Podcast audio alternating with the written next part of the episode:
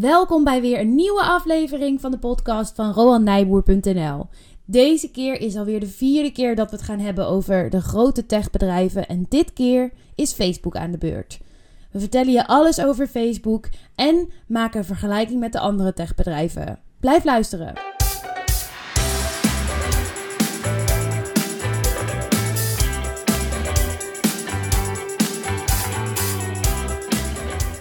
Hey, leuk dat je luistert. Mijn naam is Rowan en naast mij zit. Barbara. We gaan het vandaag hebben over Facebook. Ja, Facebook. En Barbara, wat weet je over Facebook? Nou, ik weet dat Facebook een gigantisch internationaal platform is waar je je vrienden ontmoet. Ik weet ook dat Instagram ook van Facebook is. Ik weet niet of dat algemeen bekend is. Ehm, ja, wereldwijd dus heel groot. Hoewel ik niet weet waar ze precies allemaal wel en niet zitten. Maar daar weet jij vast veel meer van. Ja, toevallig wel. Ze zitten in vrijwel alle landen ter wereld, maar één groot land niet. Dan mag jij raden welk land dat is? China, denk ik. China. Dus daar missen ze nog 1,3 miljard gebruikers. Maar ondanks dat ze niet in China actief zijn, eh, maandelijks zijn er 2,8 miljard mensen actief op één van de platformen van Facebook. Ik wil nu al even onderbreken. Want ik we hebben natuurlijk in China gewoond. Dat weet denk ik niet iedereen. Maar wij hebben zelf, eh, jij een jaar en ik ongeveer een half jaar in China, Shanghai gewoond en gewerkt. En eh, om dus bij onze Facebook te kunnen, wat toen vooral nog echt het medium was waarmee we communiceerden, ook met de thuisfront over wat we deden. Instagram was toen lang nog niet zo groot. Ehm, ja, we moesten met zo'n VPN om, om erbij te kunnen. En nu zeg je wel, de Chinese markt uh, wordt niet bediend. Maar er waren en zijn, weet ik, toch wel Chinezen die wel ook het weten te omzeilen en gebruik maken van Facebook. Dus het is natuurlijk niet helemaal waar ze China niet helemaal niet bedienen. Ja, het kan wel. En veel Chinezen die wat internationaler actief zijn, die hebben vaak ook wel Facebook. Maar het is een fractie. Want Ja. ze hebben daar hun eigen sociale netwerk, WeChat natuurlijk. Ja, ja. De super-app wordt al genoemd. Veel machtiger nog dan Facebook eigenlijk. Maar goed, we hebben het nu over Facebook, over Eh, heb, je WeChat. nog geen, eh, heb je nog geen eh, beleggingsanalyse over geschreven, of wel? Over eh, WeChat. Ja. Jazeker, op de website staan er drie China-analyses. Nou, Wat kijk. toevallig, hè? nou, Ja. nou, ik twijfelde echt even Ja, of die ertussen stond. Maar eh, ja, als je dat dus leuk vindt om te le- lezen ter vergelijking, dan, eh, dan is die ook beschikbaar. Ja. Oké, gauw verder. Ehm, mag ik dan me vooral eh, afmaken over ja, Facebook? zeker. Ja, 2,8 miljard gebruikers die maandelijks dus actief zijn op één van de platformen. En jij noemde Facebook en je noemde Instagram. Ze zijn ook eigenaar van WhatsApp en Oh, ja. Facebook Messenger, wat vooral in de VS eh, best wel populair is. En 1,6 miljard daarvan zitten er dagelijks op alleen Facebook. Alleen Facebook heeft Ja. al 1,6 gebruikers dagelijks. 1,6 miljard dagelijks actieve gebruikers. Dus die zitten één keer per dag eigenlijk, openen ze de app. En dan val ik daar dus al niet eens onder, want ik open niet elke dag Facebook meer. Ik denk ehm, twee keer in de week misschien. Nee, dan tel jij daar niet voor mee. Maar er zijn wel nog een eh, interessante statistiek. 2,2 miljard gebruikers dagelijks actief op één van de platformen. Dus jij zit waarschijnlijk wel elke dag op WhatsApp en elke dag op Insta. Klopt ja, dat? ja, dat klopt denk ik wel. Ja. Ja, dus jij valt wel onder die 2,2 miljard mensen, wat dus eigenlijk een derde van de wereldbevolking is. ja.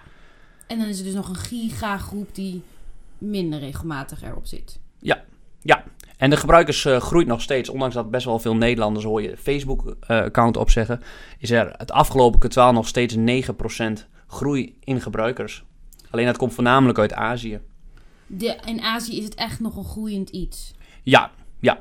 Het is wel lastig om heel hard te groeien vanaf eh, 2,8 miljard gebruikers. Maar ja, als je daar maar een procent erbij hebt, dan tikt dat natuurlijk gigantisch aan. Ja, en nou ja, we zitten natuurlijk in, midden in de tech-vergelijkingen. Dat is waar deze reeks over gaat. Waar ik dan heel nieuwsgierig naar ben, is zo'n eh, zoekmachine als Google. Hoeveel mensen gebruiken nou dagelijks Google? Weet je dat toevallig ook? Weet ik niet. Weet ik niet. Ik zou zeggen 1 à 2 miljard. Dus dat zit dan redelijk bij elkaar. Ja, ja. Maar ik denk wel dat mensen langer op Facebook of in ieder geval hun platformen zitten. En daardoor langer dus eh, advertenties aangeboden krijgen, of vaker eigenlijk, dan, dan een Google zoekactie. Ja, zeker. Ja, dat kan me ook wel voorstellen. Hoewel YouTube natuurlijk ook eh, toenemend, denk ik. Ja, ja, van Google. Die, die twee zitten dus wel mooi met elkaar te concurreren, denk ik. Ja, eh, want video wordt steeds, ja, steeds gebruikt. Je hebt Instagram TV natuurlijk en eh, Facebook doet ook veel meer met video's. Maar YouTube is natuurlijk daar echt wel groot in. Ja. Heb je nog meer feitjes over Facebook? Eh, ja, ze verdienen bijna alles met advertenties. Een klein beetje met betalen. Maar vrijwel alles met advertenties. In die zin dus vergelijkbaar met Google. Met z'n tweeën. Google, Facebook pakken samen eigenlijk 80% van de online advertentiemarkt. Dus, en die markt gaat de komende jaren nog groeien. Je krijgt nog steeds van offline naar online een grote verschuiving. Dus daar zijn nog enorme groeikansen. Hij is, Facebook is wel eigenlijk de kleinste van de vier. Want ze hebben slechts, nou ja, slechts een market cap, marktkapitalisatie van 567 miljard. Dus zijn een maatje kleiner. Maar ze groeien eigenlijk qua omzet wel het hardst. Het afgelopen kwartaal nog steeds 30% groei van de omzet. En dat komt dan uit die advertenties waar je het net over had?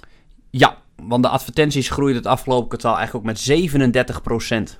Dus mensen krijgen eigenlijk 37% meer advertenties. En misschien kan ik jou vragen, ben je niet al wel eens klaar met al die advertenties? Ja, ja, dat is wel een van de redenen dat ik uh, Facebook minder ben gaan gebruiken. Want ik kreeg op een gegeven moment zoveel... Uh, ja, ik vond het gewoon op een gegeven moment spam. Ook berichten waarvan ik dacht van ik geloof hier helemaal niet in. Ik vind het juist irritant, want ik geloof niet in die mensen en wat ze proberen te verkopen en, en dergelijke. Daar ging ik me aan ergeren en toen uh, ben ik eigenlijk geswitcht naar Instagram. En daar zijn uh, vrijwel geen advertenties. Ja, dat neemt nu ook toe. Ja, die hebben we toevallig ook over gehad natuurlijk recent. Maar je ziet gewoon ook op Instagram dat het aantal uh, berichten dat gesponsord is, dat tussendoor komt, dat dat gewoon toeneemt. En ik denk dat ze dat ook laten toenemen, omdat daar natuurlijk geld te verdienen valt. Ja, ja. ja. En uh, ja, ze, ze, meten natuurlijk continu de betrokkenheid. Hoe, hoeveel tijd zit jij op Instagram? En als jij natuurlijk sneller dreigt af te haken door veel advertenties dan schroeven ze dat soms wat terug bijvoorbeeld.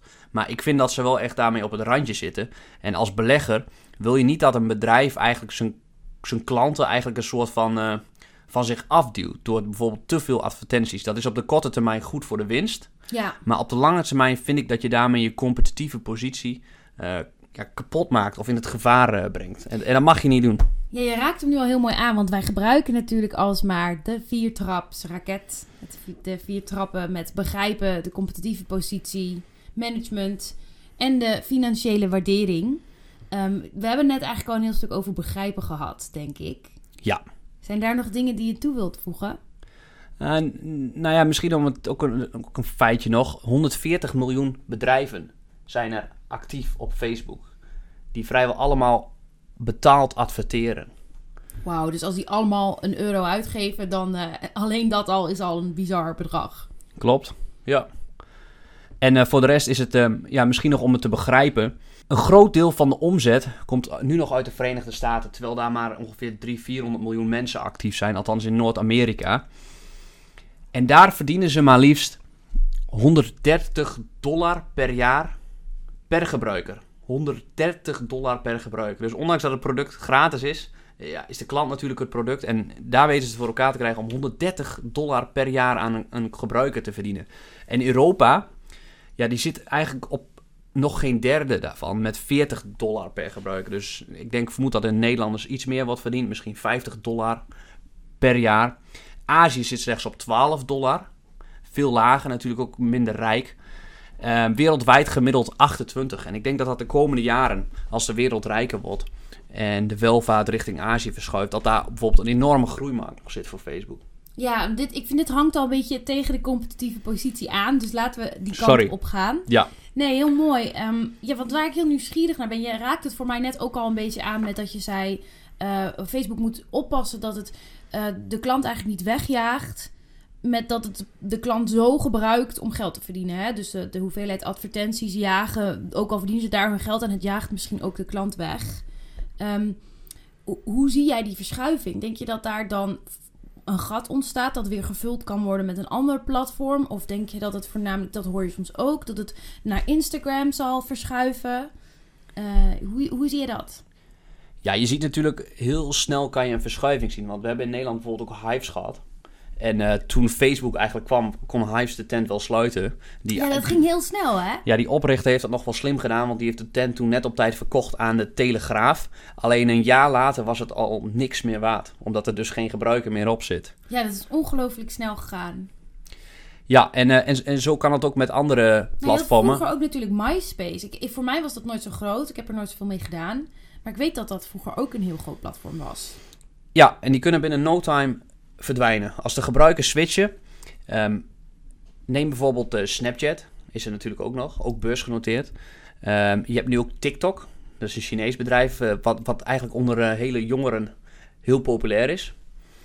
En ja, je ziet heel snel zo'n verschuiving. En Facebook, heel veel jongere Facebook-gebruikers, die zijn opgeschoven naar Instagram of Snapchat. Dus de jeugd zit echt niet meer op Facebook. Mijn leerlingen, jaartje of 18, 17, die zitten niet meer op Facebook. Nee, die gebruiken echt Snapchat of Instagram uh, om hun vrienden te volgen online. Ja. Ja.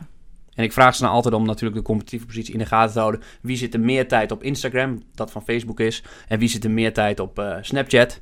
En dan ja, vaak is het een beetje 50-50 in die, in die leeftijdscategorie van 17 jaar. Ja, we hebben het er wel eens over gehad. Volgens mij in de vorige ook nog dat het heel knap is uh, bij Amazon bijvoorbeeld om je eigen business om zeep te helpen. Nu kun je een beetje stellen dat Facebook daar ook wel een hele slimme stap heeft gemaakt door eigenlijk Instagram te kopen. En daarmee een hele grote ja, soort van bedreiging voor hun eigen platform in te lijven.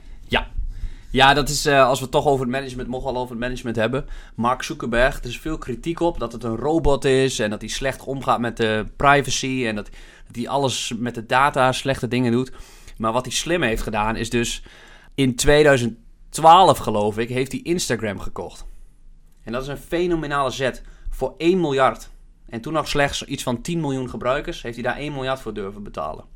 En uh, ja, regu regulatoren, de regelgevers, hadden daar achteraf nooit akkoord mee mogen gaan. Want de twee machtigste sociale platformen zijn in handen van Facebook. En WhatsApp hebben ze ook nog gekocht voor 19 miljard dollar. Ook toen een gewaagde zet.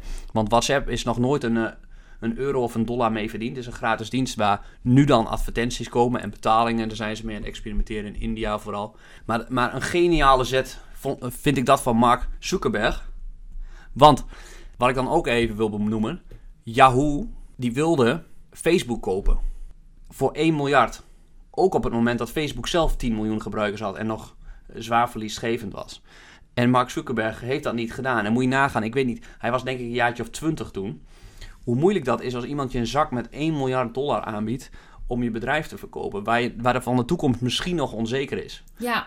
Maar hij, hij zag die kans en de oprichter van Instagram heeft de tent wel aan Facebook verkocht voor eigenlijk dezelfde situatie. Ja. Dus ik, ik vind dat bijzonder knap dat, hoe, hoe hij dat heeft gedaan. Ja, en wat ik dan wel ook weer denk is, hè, hoe groot was Instagram geworden onder de, onder de oude baas? Het was misschien ook wel heel groot geworden, maar misschien ook niet. Er zit natuurlijk ook een heleboel ervaring bij Facebook. Ja, heel mooi punt hoe ze dat hebben gedaan. En ook toen Snapchat opkwam, alle, alle features van uh, Snapchat eigenlijk gewoon gelijk kopiëren, waardoor Snapchat het eigenlijk nu heel moeilijk heeft. Is dat zo? Wel als je naar de beurskoers kijkt. Want die ging in 2016 geloof ik naar de beurs. En ik heb recent niet gekeken, maar een paar maanden geleden stonden ze 80% lager.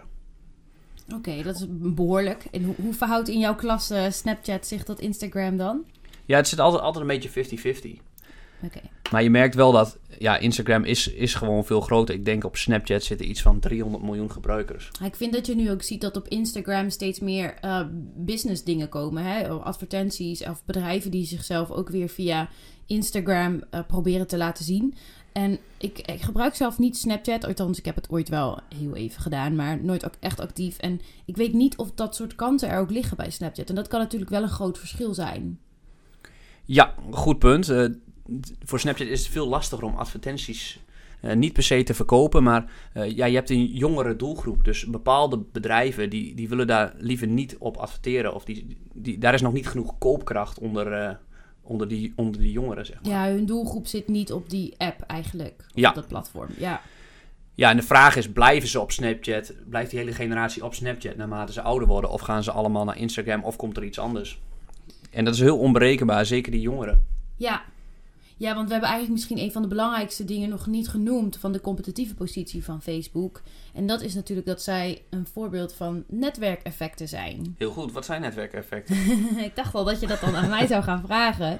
Um, ja, netwerkeffecten is het feit dat, uh, dat, dat je vrienden erop zitten, uh, dat jij er ook op gaat. En dat omdat er meer vrienden op zitten, er weer meer vrienden op gaan. En dat het zich zo uh, gevangen houdt. En omdat je vrienden erop zitten, ga je er ook niet zo snel af.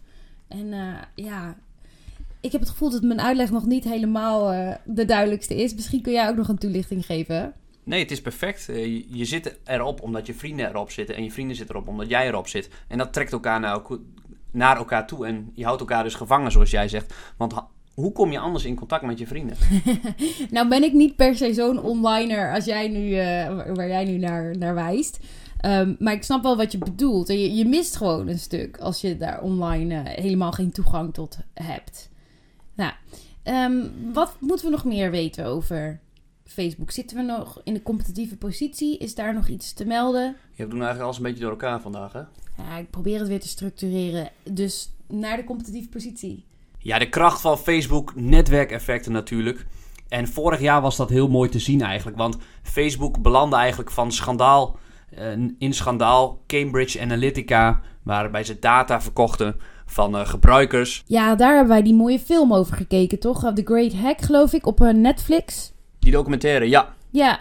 Over die schandalen. Ja, heel interessant vond ik het. En ook wel chockerend, heel eerlijk gezegd. Ik, heb het, uh, ik had het meegekregen in de media wat het, wat het dataschandaal was. Maar dat belichtte eigenlijk voor mij nog helemaal niet wat het echt was. Die documentaire vond ik best wel. Uh, is best wel heftig als je beseft wat ze allemaal over je weten. En hoe dat online gaat met je data en dergelijke.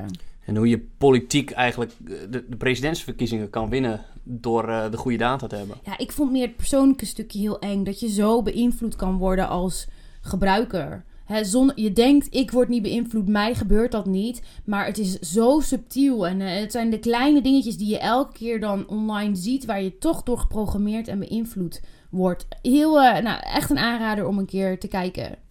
Ja, misschien als ik ook nog een aanrader mag doen. Uh, de social network. Eigenlijk over de oprichting van Facebook en vooral de rol van Mark Zuckerberg daarin. Hoe, hoe, hoe, smerige, hoe smerige spelletjes die eigenlijk speelden. En dan nu misschien verder, we hadden het ook alweer over. Oh ja, 2018 en netwerkeffecten, hoe dat mooi naar voren kwam. De beurskoers is in dat jaar, eigenlijk 2018, met 35% gedaald. En toen heb ik ook besloten om de aandelen te kopen. In december. En uh, die daling van 35% vond ik niet terecht. Want wat deden gebruikers, was voor mij de vraag. Stoppen gebruikers door al die schandalen? Nee. Want ik zag bijvoorbeeld een poll van RADA toen de tijd. En maar liefst 32% van alle Facebook-gebruikers uh, heeft overwogen om zijn account op te zetten. In werkelijkheid heeft slechts een fractie van de gebruikers dat daadwerkelijk gedaan en is op wereldschaal het aantal gebruikers eigenlijk alleen maar gegroeid. En dit geeft eigenlijk de kracht van het uh, bedrijfsmodel aan. Gebruikers zijn eigenlijk helemaal niet zo tevreden, alleen toch blijven ze gebruiken. Ja, normaal vraag ik eigenlijk uh, richting het einde pas of jij ook aandelen bezit. Maar dit keer gaf je hem al een beetje weg, geloof ik. Begrijp ik goed dat je die aandelen ook nog steeds bezit die je hebt gekocht? Ja, ik heb uh, recent wel de helft verkocht. Omdat ik, ja, het zijn twee bezwaren. Eén, de beurskoers is met 40% gestegen. En twee, ik vind ze toch wat te veel uh, de gebruikers afstoten met die advertenties. En een belangrijke vraag die ik bij beleggen altijd heb: is dit bedrijf over 10 jaar sterker dan nu? En bij Facebook vind ik dat een hele moeilijke. Bij Amazon weet ik het vrijwel zeker, bij Apple weet ik het vrijwel zeker en bij Google weet ik het vrijwel zeker. Alleen bij Facebook vind ik het, vind ik het te moeilijk. Zelfs met die drie platformen bij elkaar, ik bedoel, WhatsApp lijkt onaantastbaar. Klopt, maar het is dan ook lastig om daar geld aan te verdienen, omdat je daar al je privé eh, gesprekken natuurlijk ook hebt. Hoe ver gaan ze met die data en hoe ver, hoeveel kunnen ze daaraan verdienen? Ja, goed, goed punt, denk ik. Wel leuk om nog even aan te stippen is dat we het over Apple hadden. En um, toen zei je, ik heb het uh, te vroeg verkocht. Ik heb ze gehad en uh, verkocht en dat had ik niet moeten doen. Sta je dan niet voor zo'nzelfde soort dilemma nu met je Facebook-aandelen? Goed punt. Je stelt goede kritische vragen. Ja, dat is dat is ook weer de vraag. Ik, ik weet het niet. Het beleggen is uh, vooruitzien en de toekomst. Soms is dat wat onzeker. En ik denk ook dat er nog een extra risico bij Facebook is regulatie. Omdat ze zo machtig zijn op social media en zoveel aan de data sleutelen. Dat er echt een kans is dat ze op hele hoge boetes en ook op opsplitsingen eventueel. En dan word je wel gelijk een stuk minder machtig. Ja, straks met de risico's komen we daar denk ik nog weer op. Volgens mij kunnen we competitieve positie nu echt afronden om uh, in de structuur te blijven. Management komen we dan, en daar hebben we het al kort even over gehad. Mark Zuckerberg staat niet altijd bekend als een vriendelijk, aardig persoon. Sterker nog, staat bekend enigszins om het tegenovergestelde. De robot wordt hij genoemd. Ja, en ook wel uh, hard, toch? Ja, dat hij niet zo makkelijk met mensen communiceert en... Uh... Nee. Nou ja, kijk waar zijn koppigheid hem gebracht heeft. Hè? Het, uh, twee, de twee kanten van dezelfde munt, denk ik dan. Um, ja, management. Wat mij dan te binnen schiet is, uh, uh, hoe heet zij? Die vrouw. Die, uh... Sheryl, Sheryl Sandberg. Ja, Sheryl Sandberg. ook super bekend. Ja, dat is eigenlijk de, de vrouw, de operationele vrouw die er eigenlijk een machine van gemaakt heeft. Wat heeft zij dan zo goed gedaan? Ja, goede vraag. Daar waar Mark zoveel mogelijk bezig is met het product en ook die overnames in het verleden, is zij vooral met de operationele dingen bezig. En toen zij in, ik geloof 2008, van Google overkwam, draaide Facebook een omzet van een paar honderd miljoen. En ik geloof dat het afgelopen jaar rond de 60 miljard dollar aan omzet binnen heeft gehaald. En zij heeft die advertentiemachine eigenlijk geoptimaliseerd en daar ook de slag van uh, desktop naar mobiel. Daar waren ze heel lang twijfels over. Hoe, hoe kunnen ze daar geld aan verdienen? Daar heeft zij uh, overdacht. Ja, dus, dus zij heeft echt wel een verschil gemaakt in het succes van, van Facebook. Ja, en ze is al een ervaren manager. Facebook, uh, sorry, Mark Zuckerberg is natuurlijk veel jonger en wat minder ervaren. En zij kan zo'n tent professioneel aansturen. En dat heeft ze dus blijkbaar ook gedaan. Is er nog meer over het management waar we even, op, uh, even bij stil moeten staan? Nou ja, nee, misschien, ik noemde het al even zijdelings, dat je niet je klanten berooft eigenlijk door te veel advertenties. Maar dat hebben we al uitgebreid besproken, denk ik. Ja, en daar heb jij nog wel vraagtekens bij bij Facebook, gaf je aan. Ja, en ze groeien nog steeds, dus het afgelopen kwartaal 37% meer advertenties. Hoe, hoe lang kan dat doorgaan voordat gebruikers afhaken? Nou, dat lijkt me meer een punt voor de financiële waardering, waar we dan nu komen. Leuk. Vertel. De waardering, eh, we gebruiken de koers-winstverhouding elke keer. Facebook zit momenteel op een koers-winstverhouding van 24. 24 keer de winst. Ze hebben nog een netto cash positie van ongeveer 50 miljard dollar. Ook dat is een cashmachine. Maar misschien kunnen we het gaan vergelijken met, met Google, omdat ze eigenlijk allebei, Facebook en Google, de omzet, het geld verdienen met advertenties. Oké. En ze zitten op dit moment allebei op ongeveer dezelfde koers-winstverhouding. Dus in die zin is de waardering die je betaalt gelijk. Nou zijn er twee verschillen. Facebook die groeit eigenlijk nog met 30% qua omzet. Terwijl Google met 20% groeit. Dus Facebook groeit een stuk sneller. Dus verdient in dat opzicht misschien een hogere waardering. Tenzij je meer betaalt voor de advertenties van Google. Want dan zou Google met minder advertenties en minder groei toch meer kunnen verdienen, meer winst kunnen maken. Dat klopt, dat ze winstgevender zijn qua winstmarges. Ja. Ja, ja. Maar op dit moment is, is Facebook heeft veel hogere winstmarges dan Google. Dat komt deels omdat Google ook veel investeert in andere projecten. Dat hebben we vorige keer besproken in de andere podcast. Facebook doet dat wat minder, investeren vooral in veiligheid. Ook belangrijk. Worden wij als klant gelukkig van, denk ik. Ja, maar ik vind dat een hele moeilijke, ondanks dat ze dezelfde koers-winstverhouding hebben. Facebook groeit harder, maar ik denk dat het dus verdient een hogere waardering, naar mijn idee, op dat punt. En heeft nog hele lange groeimogelijkheden, wat mij betreft, in de rest van de wereld. Maar Google's businessmodel is misschien wat robuuster. Hoe verklaar je dan de koers-winstverhouding zoals die nu is? Ik bedoel, duidelijk, jij zegt dit, maar beleggers denken er op dit moment duidelijk anders over met de huidige koers-winstverhouding.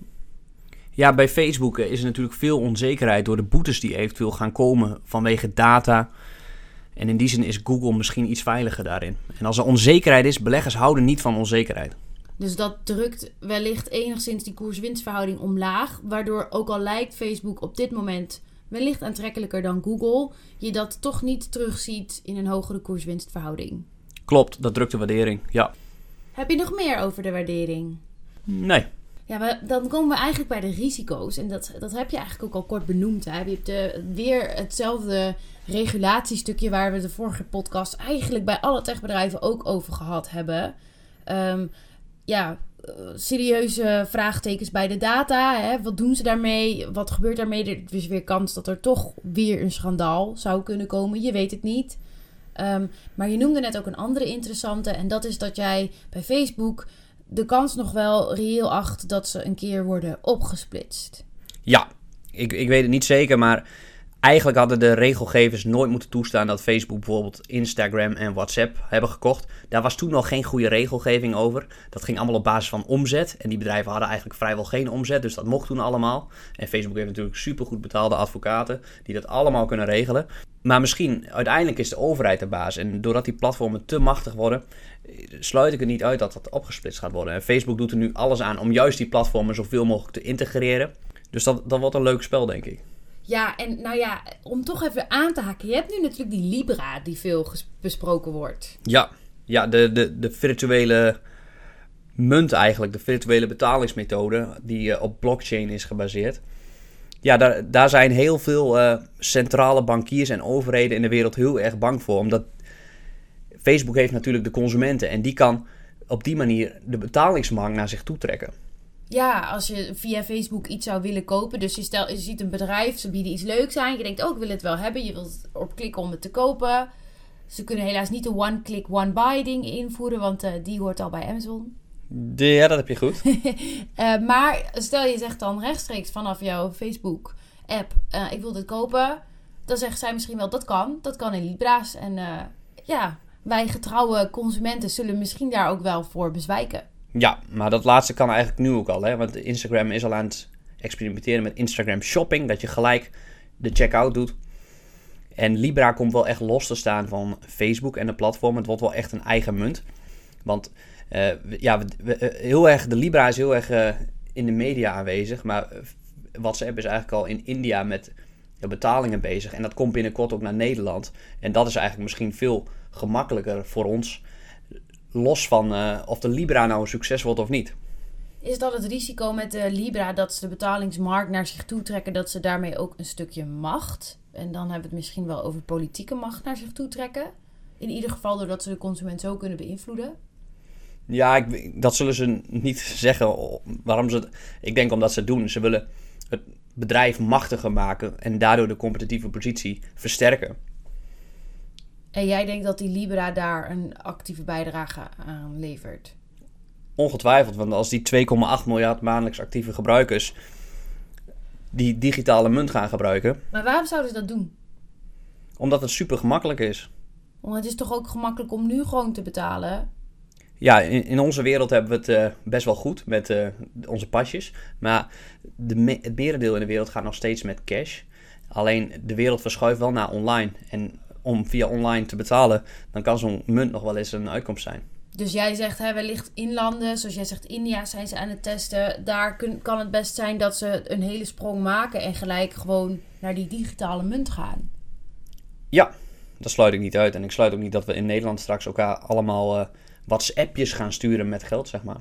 Ja, dat was natuurlijk heel leuk in uh, China. Dat is daar al mogelijk. Ik vond het fantastisch, persoonlijk. Het werkt vlekkeloos, hè? Ja, het was vlek. En je, je, ja, je betaalt gewoon alles. En je deelt kosten zo makkelijk met je vrienden. En je koopt in één app alles online. Of betaalt je rekening. Ik, ja, hè, regulatie van de Chinese overheid. Maar ik, ik vond het echt fantastisch. Ja. Ik dacht echt, we zijn achterlopers. Maar goed, dat, uh, dat terzijde. Dat is ook logisch. Hè? We hebben een goed betalingsnetwerk eigenlijk. Waardoor de noodzaak om iets te veranderen eigenlijk veel minder groot is dan in landen waar dat veel minder goed geregeld is. Ja, precies. China heeft de creditcard bijvoorbeeld in één keer overgeslagen.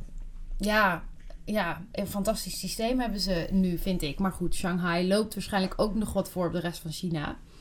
Um, ja, volgens mij hebben we dan nu Facebook afgerond. Ik denk dat het tijd is voor een samenvatting. Oké. Kun je Facebook kort voor ons samenvatten als belegging? Nou, een gigantisch platform. En de vraag is altijd, omdat er dus een hoge koers-winstverhouding bestaat van 24, eh, dat is hoger dan gemiddeld, dan verwacht je ook veel groei. En Facebook groeit nog hard. Het hardste van eigenlijk alle, in procenten van alle grote, de grote vier techbedrijven aan de ene kant denk ik dat ze nog heel lang heel hard kunnen blijven groeien. Omdat ze in Amerika per gebruiker al 130 dollar per jaar binnenhalen. En in Europa slechts uh, een derde daarvan ongeveer.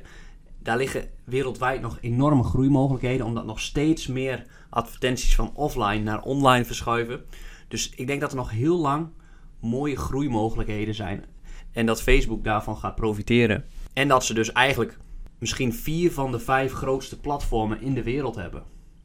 Althans in de westerse wereld exclusief China. Nou, dankjewel. Ik denk dat we Facebook daarmee heel mooi samengevat hebben. Tot slot, we hebben nu alle vier grote techbedrijven, eigenlijk Microsoft uitgesloten, hè? Zonde, moeten we ook nog een keer doen. Ehm, waarom heb je Microsoft eigenlijk uitgesloten? Om- Omdat het een wat ouder IT-bedrijf is. Maar ik, als, de, als, als de luisteraars dat willen, willen we dat, wil ik dat heel graag bespreken. Want die, hij past er zeker, hij hoort er zeker bij. Ja, hij hoort eigenlijk wel in het rijtje, toch? Ja, ja. Ik, misschien nog wel een leuke over Microsoft, mag dat nog? Nou, vooruit. Ja, de beurskoers stond eh, in 2000, ik weet niet hoe hoog, maar slechts iets van 13 jaar later stond de beurskoers even hoog. Dus in 13 jaar heb je dan niks verdiend met een aandeel Microsoft. En dat komt omdat die waardering gewoon in het jaar 2000 veel te hoog was. En Microsoft, de winst is elk jaar gestegen, waardoor de waardering elke keer lager is. Maar de belegger heeft dan in 13 jaar eigenlijk niks verdiend. Zou je dat risico ook lopen met een van de vier die wij nu genoemd hebben? Dat zou kunnen, ja. ja. Maar de waardering is niet zo hoog als Microsoft toen. Ik denk dat Microsoft had een koers-winstverhouding van 100. Wauw. En nu zitten we allemaal rond de 20, 25, zeg maar. Ja. Behalve Amazon. Nou, ik weet toevallig dat je een poosje geleden het ook met me over Netflix hebt gehad. En ja, wederom een hele mooie analyse op de website over Netflix. Maar zij hadden zo'n bizar hoge koers-winstverhouding, herinner ik me nog. Ja, op dit moment iets van eh 90. Iets van 90. Dus zij zouden in dat opzicht de nieuwe Microsoft eh, van 2000 kunnen zijn. Dat zou kunnen. Dat zou kunnen. Maar ja, dat is beleggen. hè. Het hoeft natuurlijk niet zo te zijn. Ehm, ja, om samen te vatten vind ik het echt leuk als je nog even vergelijkt hoe je nou als belegger naar die vier kijkt. En ik weet dat we hier niet aan advies doen, maar ik ben toch ook wel benieuwd welke jij op dit moment, als je uit die vier moet kiezen, welke je dan zou kopen. En waarom? Daar vraag je me wat. Je zet me voor het blok. Ehm, ik heb natuurlijk aandelen Alphabet. En nog een paar Facebook. Die andere twee niet. Apple vind ik momenteel wat duur. Maar heeft misschien wel het sterkste businessmodel. Heel lastig vergelijkbaar met de andere. Ja, ik kan daar geen antwoord op geven. Alleen dat alle vier zo gigantisch machtig zijn. En de komende jaren waarschijnlijk nog heel hard zullen groeien. En ik denk als je ze alle vier koopt. En de regulatie valt mee. Dat het over en de boetes, en de boetes. ja, de boetes ma- maakt uiteindelijk niet zoveel uit. Want ehm, Facebook moest laatst voor dat schandaal 5 miljard aftikken. Dat verdienen ze in een kwartaal. Dus dat kunnen ze vaak prima leiden. Ja, als je dus die vier koopt en de regulatie valt mee, dan denk ik dat dat op lange termijn een hele goede belegging is. Eh, als je ze dan aanhoudt. Ja, omdat die bedrijven, en bij Facebook twijfel ik een beetje, over 5 à 10 jaar sterker zijn dan nu. En dat is eigenlijk de belangrijkste vraag bij beleggen. En de waardering natuurlijk een beetje. Ja, oké. Nou, nogmaals, dat is geen koopadvies. We geven geen advies. maar toch leuk om te horen hoe je daar als eh, belegger naar kijkt. Is er nog iets wat je wilt zeggen over Facebook? Niet over Facebook, maar ik heb nog wel een andere leuke mededeling. Ja, zaterdag 14 december, daar kan je in één dag leren hoe jij echt een topbelegger wordt. Dus hoe je zelf je aandelen kan kopen, kan selecteren en zodat je precies weet waar je naar moet kijken. Om eigenlijk zo'n soort samenvatting te kunnen geven van een belegging en of die voor jou interessant is of niet. Klopt. Nou, ik zeg doen. Ik zeg ook doen. Ik denk dat het een koopje is. Als je het leuk vindt, kijk dan op roannijboer.nl. En onder evenementen vind je daar eh, de masterclass. Inmiddels hebben we ook een tweede datum. En dat, eh, dat zal 6 maart zijn. Vrijdag 6 maart. Vrijdag 6 maart. Dus dat is dan een doordeweekse dag. Maar wel ook nog de hele dag. Dus ehm, er is nu meer keuze. Hartstikke leuk. Dat was het dan voor nu. Dat was het. Bedankt voor het luisteren. Tot de volgende keer. Doeg!